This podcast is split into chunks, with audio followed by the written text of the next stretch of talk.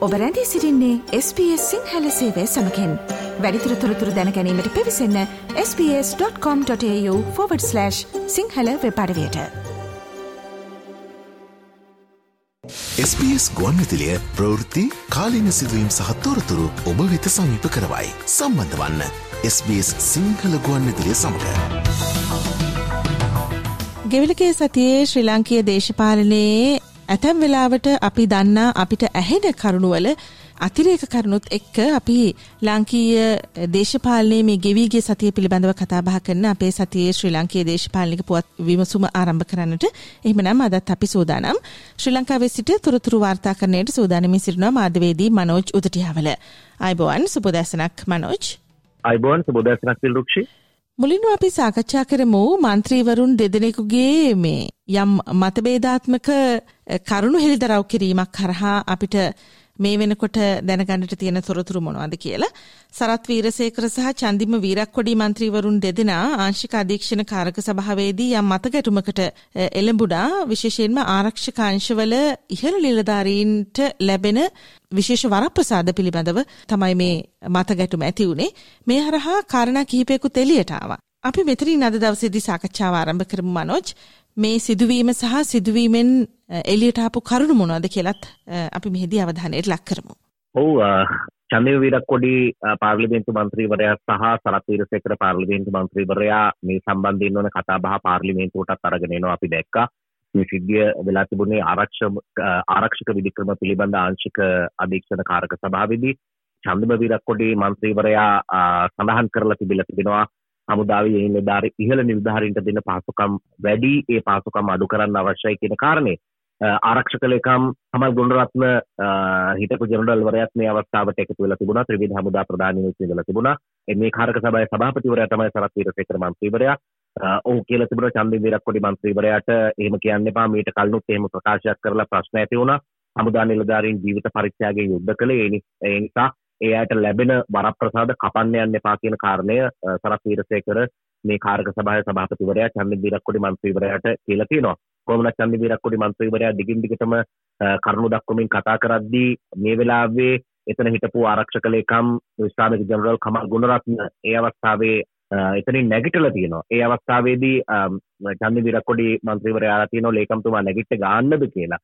එතකොට ආරක්ෂක ලේකම්වරයාත් කියලා තියෙනවා ඕනනම් ඒකත් කරන්න පුළුවන් වගේ අදහසක්. ඉතින් මේකත් එක්ක මේ කතාව ටිකක් වේගවත්ව ගිහිල්ලා ජබල් රාජපක්ෂ මන්ත්‍රීවරයා සහ ප්‍රදීප් පුඳුගොඩ මන්ත්‍රීවරයා වැඩිහත් වෙලා මේක නවත්තල තියෙනවා චමල් රාජපක්ෂ මන්ත්‍රීවරයා අවස්ථාවේ ඒ තත්වේ සමතයකට පත් කරන්නත් වැඩිපුර මැදිහත් වුණා කියලා වාර්තා වෙනවා. ඒ අතර සරත් වීරසේකර මන්ත්‍රීවරයා චන්දි විරක්කුඩි මන්ත්‍රීවරට කියලා තියෙනවා මෙතන ඉන්න බැරි නම් සභාවේ ඉන්න බැරි නම් යන්න කියලා.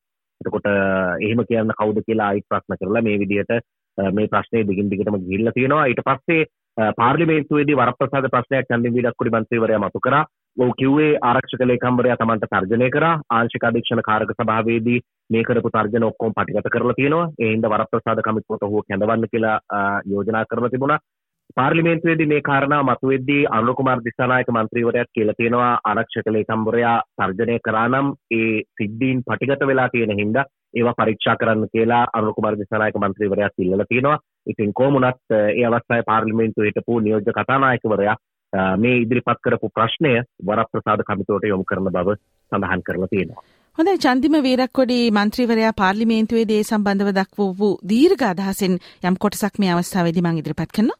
පාර්ලිමේන්තු මන්ත්‍රීවරයෙක් හැටියට මම පාර්ලිමේන්තුවේ සිදු කරන ලද ප්‍රකාශයක් සම්බන්ධව හමුදා නිලධාරියෙක්ව කටයුතු කරපු ආරක්ෂක ලේකම්වරයා විසින් තර්ජනාත්මකව පාර්ලිමේන්තු පරිශ්‍රය තුළ කරන ලද ප්‍රකාශයක් සම්බන්ධව තමයි මේ ප්‍රශ්නය.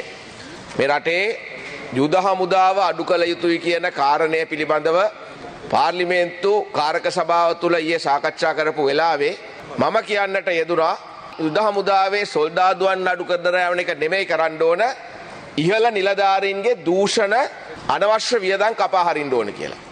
අපි දන්නවා අපේ රට පත් වෙලා තියෙන තත්ත්වේ මිනිසුන්ට කන්න නැහැ මිනිසුන්ට ජීවත් වෙන්න විදියක් නැහැ යුද හමුදාවෙම විශ්‍රාමක හිපු නිලධාරීන්ට මේ මොහොත වෙනකොටත් අවුරුදු ගණන් ගිහිල්ලා විශ්‍රාම පාරිතෝෂිකය ලැබිලත් නෑ විශ්‍රාම වැටුප ලැබෙන්නෙත් නෑ. නමුත් හමුදා ප්‍රතිවරයාගේ නිල නිවාසයේ වත්ත හදන්න රුපියල් ලක්ෂ අටසීයක් ඔබතුමත් දන්නවා උදේ ඔබතුමා එනවා ඉන්ඩිපෙන්ඩන්ස් එකට ඇවිදින්න. ආරක්ෂක ලේකම් යනකොට උදේට ඇවිදින්න ගෞරවනීය රණවිරුවන්යයි කියන සොල්දාදුව දෙන්නෙක් බල්ලු අරගෙන යනවා ඉස්සරහින්. ඊට පස්සේ ජිප් එකක් යනවා. තව වාහනයක් යනවා. කාගේ සල්ලිද මේ? මේ මේ නිලධාරියෙක්. රටේ මේ විදිහට කටයුතු කරනකොට අපේ රට බංකොලොත් වෙන ගහන දෙයක් නෙමෙයි.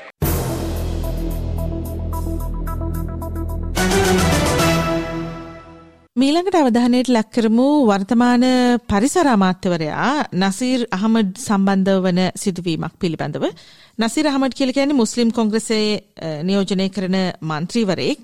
නමුත් පසුගිය වසරේ ඔහු වර්තමාන ආණ්ඩුවට පක්ෂව ඡන්දය ලබා දීම සිදු කළා විසර්ජන පනත සම්බන්ධව ආයවැය සම්බන්ධව. ඊට පස්සේ ඔහුට එරෙහිව විනය ක්‍රියාමාර්ග ගන්නවා කියලා මුස්ලිම් කොංග්‍රසය සඳහන් කිරීමක් කළා. එයට එරෙහිව නසීර් අහමඩ් උසාවි ගියා. උසාවි තීන්දුව සම්බන්ධව මේ ගෙවිලගේ සතිය තුළදී තොරතුරු වාර්තා වුණා.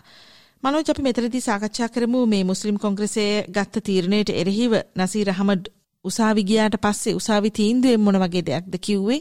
ඒ තීන්දුව කොහොමද දේශපාලනිකව අනිකුත් මන්ත්‍රීවරුන්ටත් බලපාන්නේ කියලා. පරිසර ඇමතිතුමා නසීර් අහමඩ් අමාත්‍යවරයා දෙදස් විසිය කවුරුද්දේ පාර්ලිමේන්තුවට ඉදිරිපත් කරපු දෙදස් විස්දෙක්ක වසර සඳහවන විසර්ජන පනත් පිටුම්පතට ඡන්දය ප්‍රකාශයට පත් කළා. කොහොමනත් මේ විවාදයේදී මුස්ලිම් කොංග්‍රසයේ තීරණය මොකක්ද කියලා සාකච්ඡා කරන්න දෙදස් විසිය කවුරුද්දේ නොවැම්බර් 22 වෙනිදා මුස්ලිම් කොංග්‍රසයේ උත්තරීතර මණ්ඩලය රැස් වෙලා තිබුණා. මේ අවස්ථාවේ පක්ෂය තීරණය කරලා තිබුණා අදාළ පනත් පිටුම්පතට පක්ෂව ඡන්දය නොදෙන්න පක්ෂ උත්තරීතර මණ්ඩලයට මේ තීරණය අරගෙන තිබුණේ. ඔවුන් යෝජනා කරලා තිබුණා අවශ්‍ය නම් විරුද්ධව ඡන්දය දෙන්න නැත්නම් ඡන්දය දීමෙන් වැළකී ඉන්න කියලා. ඒ අවස්ථාවේ තමයි නසීර් අහමඩ් දෙවකට මන්ත්‍රීවරයා වර්තමාන අමාත්‍යවරයා පක්ෂයේ සේන්දුවට විරුද්ධව තීරණයක් අරගෙන තිබුණේ. ඒ හින්දා පක්ෂ සමාජිකත්වයේ අත්හිටුවන්න ශ්‍රී ලංකා මුස්ලිම් කොංග්‍රසයේ තීරණය කරා. අනතුරුව මුස්ලිම් කොංග්‍රසය ගත්තු මේ තීරණය පක්ෂ සමාජිකත්වය අහිමි කිරීමට ගත්තු තීරණය බල රහිත කරන්න කියලා තීන්දුවක් වෙන්න කියලා තමයි නසීර් අහමඩ් ඇමතිවරයා අධිකරණයට ගියේ. ඉතින් මෙය විභාග කරපු අවස්ථාවේ තීරණය කරා මුස්ලිම් කොංග්‍රසය ගත්තු තීරණය නසීර් අහමඩ් ඇමතිවරයාගේ පක්ෂ සමාජිකත්වය අහෝසි කරන්න ගත්තු තීරණය වැරදි නෑ කියලා. ඒකට හේතුව තමයි උත්තරීතර මණ්ඩලය තීරණය කරලා තිබුණා පක්ෂය විසර්ජන පළත් පිටුපතට විරුද්ධව ඡන්දය දෙනවා නැත්නම් ඡන්දය දීමෙන් වැළකී ඉන්නවා කියලා. හැබැයි ඒ තීරණ දෙකට එරෙහිව ගිහිල්ලා විසර්ජන පළතුර පක්ෂව ඡන්දය දීලා තියෙනවා. ඒ හින්දා ශ්‍රී ලංකා මුස්ලිම් කොංග්‍රසය ගත්ත තීරණය නිවැරදි කියලා තමයි අධිකරණ තීන්දුව ලබා දුන්නේ. ඒ අනුව ඔහුගේ පක්ෂ සමාජිකත්වය අහෝසි වෙන්න නියමිත වෙලා තියෙනවා. දැන් ඔහුට මේ පරිසර ඇමතිකමක් ලැබුණේ කොහොමත් ඔහු දැන් වර්තමාන ආණ්ඩුවට සම්බන්ධ වෙලා ඉන්න හින්දානේ නේද මනෝජ්? ඔව්. නමුත් ඔහු ශ්‍රී ලංකා මුස්ලිම් කොංග්‍රසයේ මන්ත්‍රීවරයෙක් විදිහට ඉන්නේ පක්ෂයේ තීරණය කරෝතින් පක්ෂ සමාජිකත්වය අහෝසි කරන්න. එතකොට ඔහුගේ පාර්ලිමේන්තු මන්ත්‍රී දුරයත් අහෝසි කරෝතින් ඔහුට පාර්ලිමේන්තු අසුනක් නැති වෙනවා. මන්ත්‍රී දුරය අහෝසි කරෝතින් මුස්ලිම් කොංග්‍රසය ඔවුන්ගේ මනාප ලැයිස්තුවේ ඊළඟ වැඩිපුර මනාපගත්තු පුද්ගලයා පාර්ලිමේන්තුවට එනවා. එතකොට මන්ත්‍රී දුරය වගේම අමාත්‍ය දුරයත් අහිමි වෙන්න තමයි නියමිත මේ තීරණය අනුව වැඩ කරගෙන යන්නේ.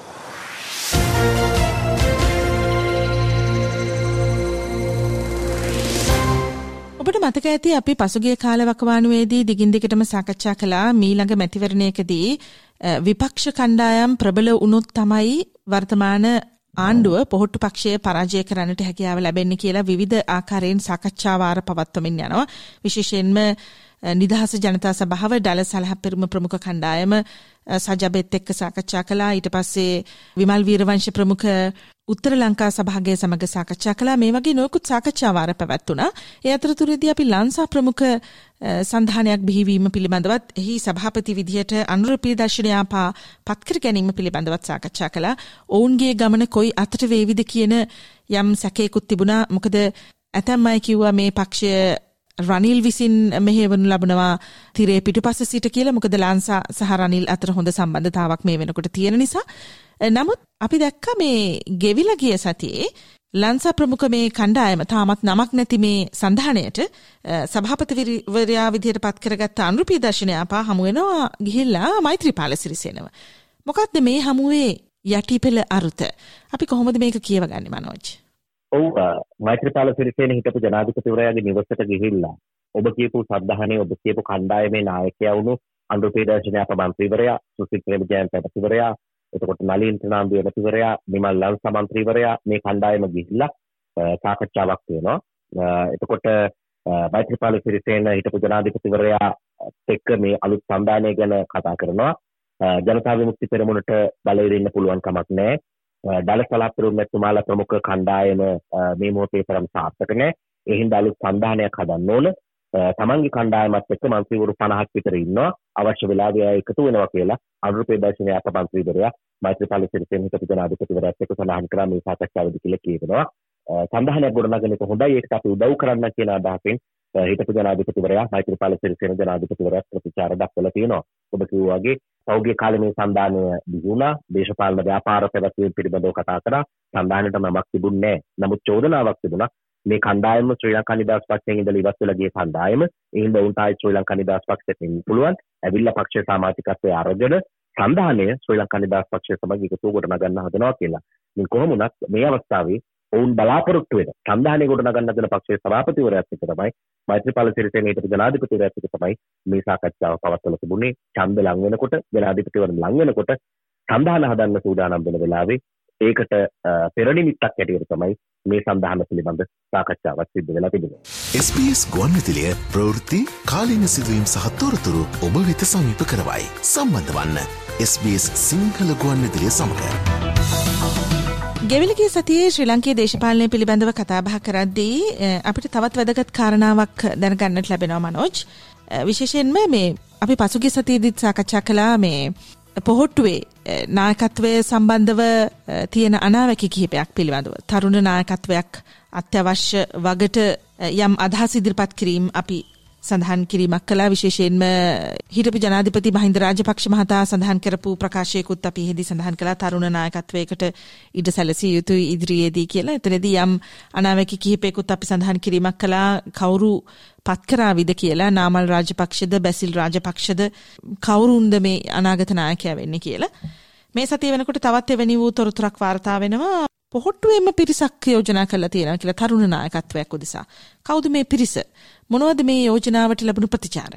දැන් මේ සම්බන්ධයෙන් විවිධ අදහස් තිබුණා යෝජනා කරලා තිබුණා යෝජනා කරපු පිරිස කවුද කියලා දන්නේ නැති වුණාට එහෙම යෝජනාවක් තිබුණු බව ආයෙමත් කතා කරන්න පටන් ගත්තා අපි මේ වැඩසටහනින් ගිය සතියේ සාකච්ඡා කරා විහාරස්ථානයකට ගිහිල්ලා ස්වාමින් වහන්සේ සමග සාකච්ඡා කරමින් ඉන්න අතරේ මහින්ද රාජපක්ෂ ජනාධිපතිවරයාත් නායකත්වයෙන් අයින් වෙලා පොට්ටුවේ නායකත්වයෙන් අයින් වෙලා අලුත් කෙනෙක්ට නායකත්වය ලබා දෙන්න අවශ්‍යයි කියන කාරණේ මතු කරා කියන සිද්ධිය.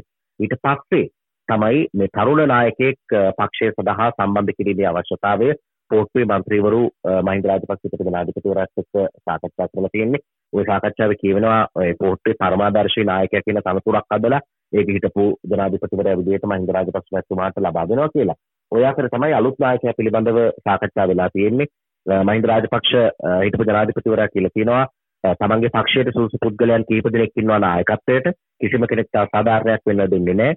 තීන්දුව අරගන්න ඕන කෙනෙකුට අසාධාරණයක් නොවන පරිදි කියලා. ඒත් එක්කම පෞද්ගලික ජනාධිපතිවරණේ අපේක්ෂකපත් වෙච්ච ආකාරය පිළිබඳවත් එතුමා මතක් කරලා තියෙනවා.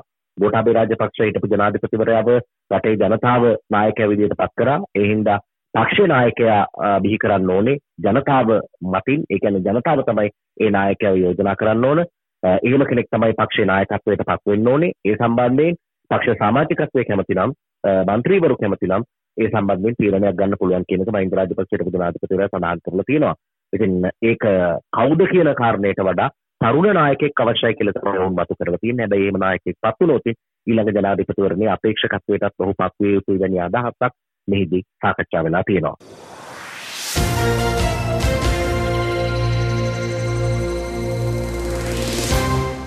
ජනාධිපති රනිල් වික්‍රමසිංහ මහතා අවසාන වතාවට සහභාගී වුණේ බර්ලින් සංචාරය සඳහා ඊට පස්සේ ඒ මහතා දැන් මේ වෙනකොට යලිත් ශ්‍රී ලංකාවට ඇවිල්ලා ඉන්නේ.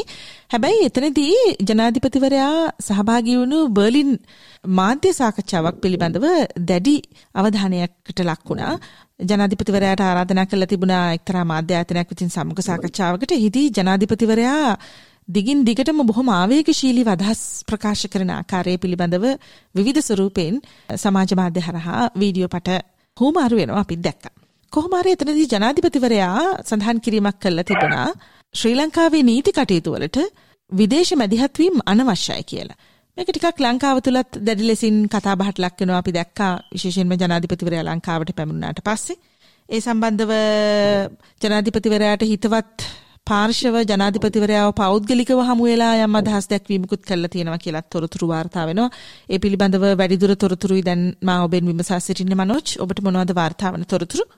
මේ පාස්කු ප්‍රහාරය සම්බන්ධයෙන් ඔවුන්ට නිසි සාධාරණත්වය නොලැබුණායි කියන පදනම් මත පාර්ශව කීපයක් ජාත්‍යන්තර පරීක්ෂණයක අවශ්‍යතාවය කියලා තිබුණා අර බර්ලින් වලදී ජර්මන් මාධ්‍ය සමග පවත්වපු සම්මුඛ සාකච්ඡාවකදී ජනාධිපතිවරයා කියලා තිබුණා ජාත්‍යන්තර පරීක්ෂණයක් අවශ්‍ය නොවන බව දේශීය යාන්ත්‍රණය යටතේ සම්බන්ධයෙන් ක්‍රියාත්මක වෙන බව.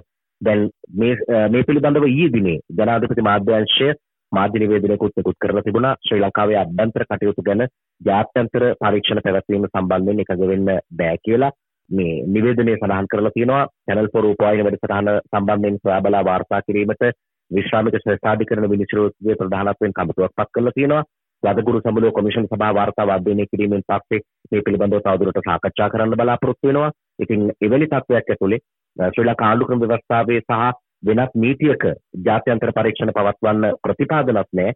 ඒ හින්දා ඒ වගේ පරීක්ෂණයක් පැවැත්වීම නීති විරෝධී ක්‍රියාවක්. ඒ හින්දා ජාත්‍යන්තර පරීක්ෂණයක් පවත්වන්න බෑ කියන කාරණය ජනාධිපති මාධ්‍යංශයේ නිවේදනයක් මගින් නිකුත් කරලා තියෙනවා.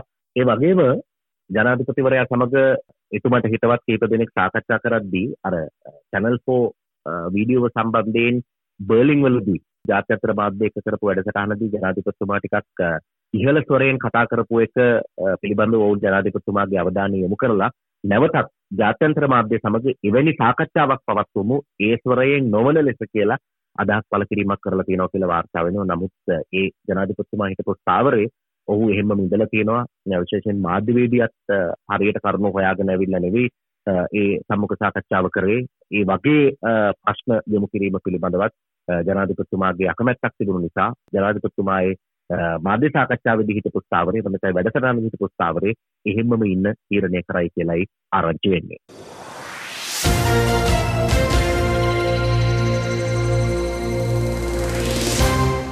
අපි එමනම් අද වැඩසටහන අවසන් කරන්නේ දේශපාලනික කාරණාවක් නොවුනත් මේ වෙනකොට ලංකාවේ දැඩි වශයෙන් අවධානයට ලක් වෙලා තියෙන කාරණාවක් නිසා එහි තත්ත්විත්ති විමසා බලමින් ඒ තමයි දැන් මේ වෙනකොට ඇති වෙලා තියෙන ගම් වතුර තත්ත්වය.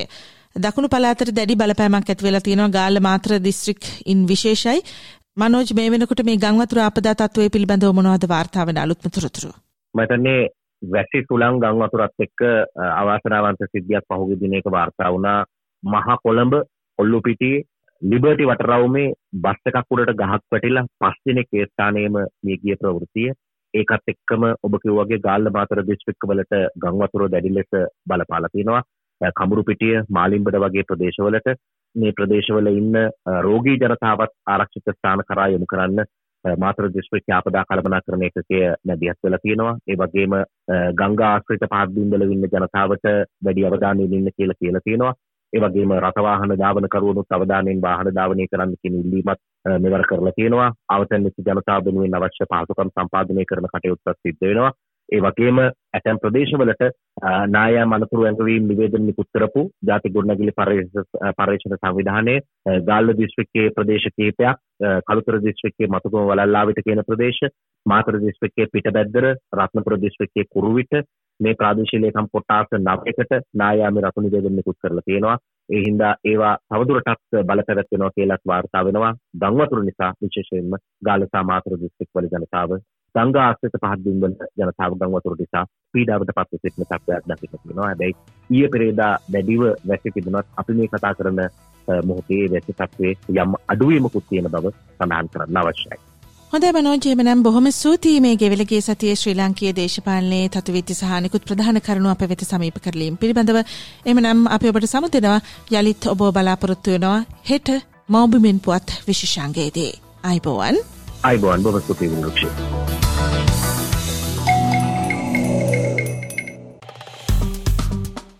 ලයි කරන්න ෂයා කරන්න අදහස් ප්‍රකාශ කරන්න. SBS සිංහල ෆස්බුක් පිටුව ෆලෝ කරන්න.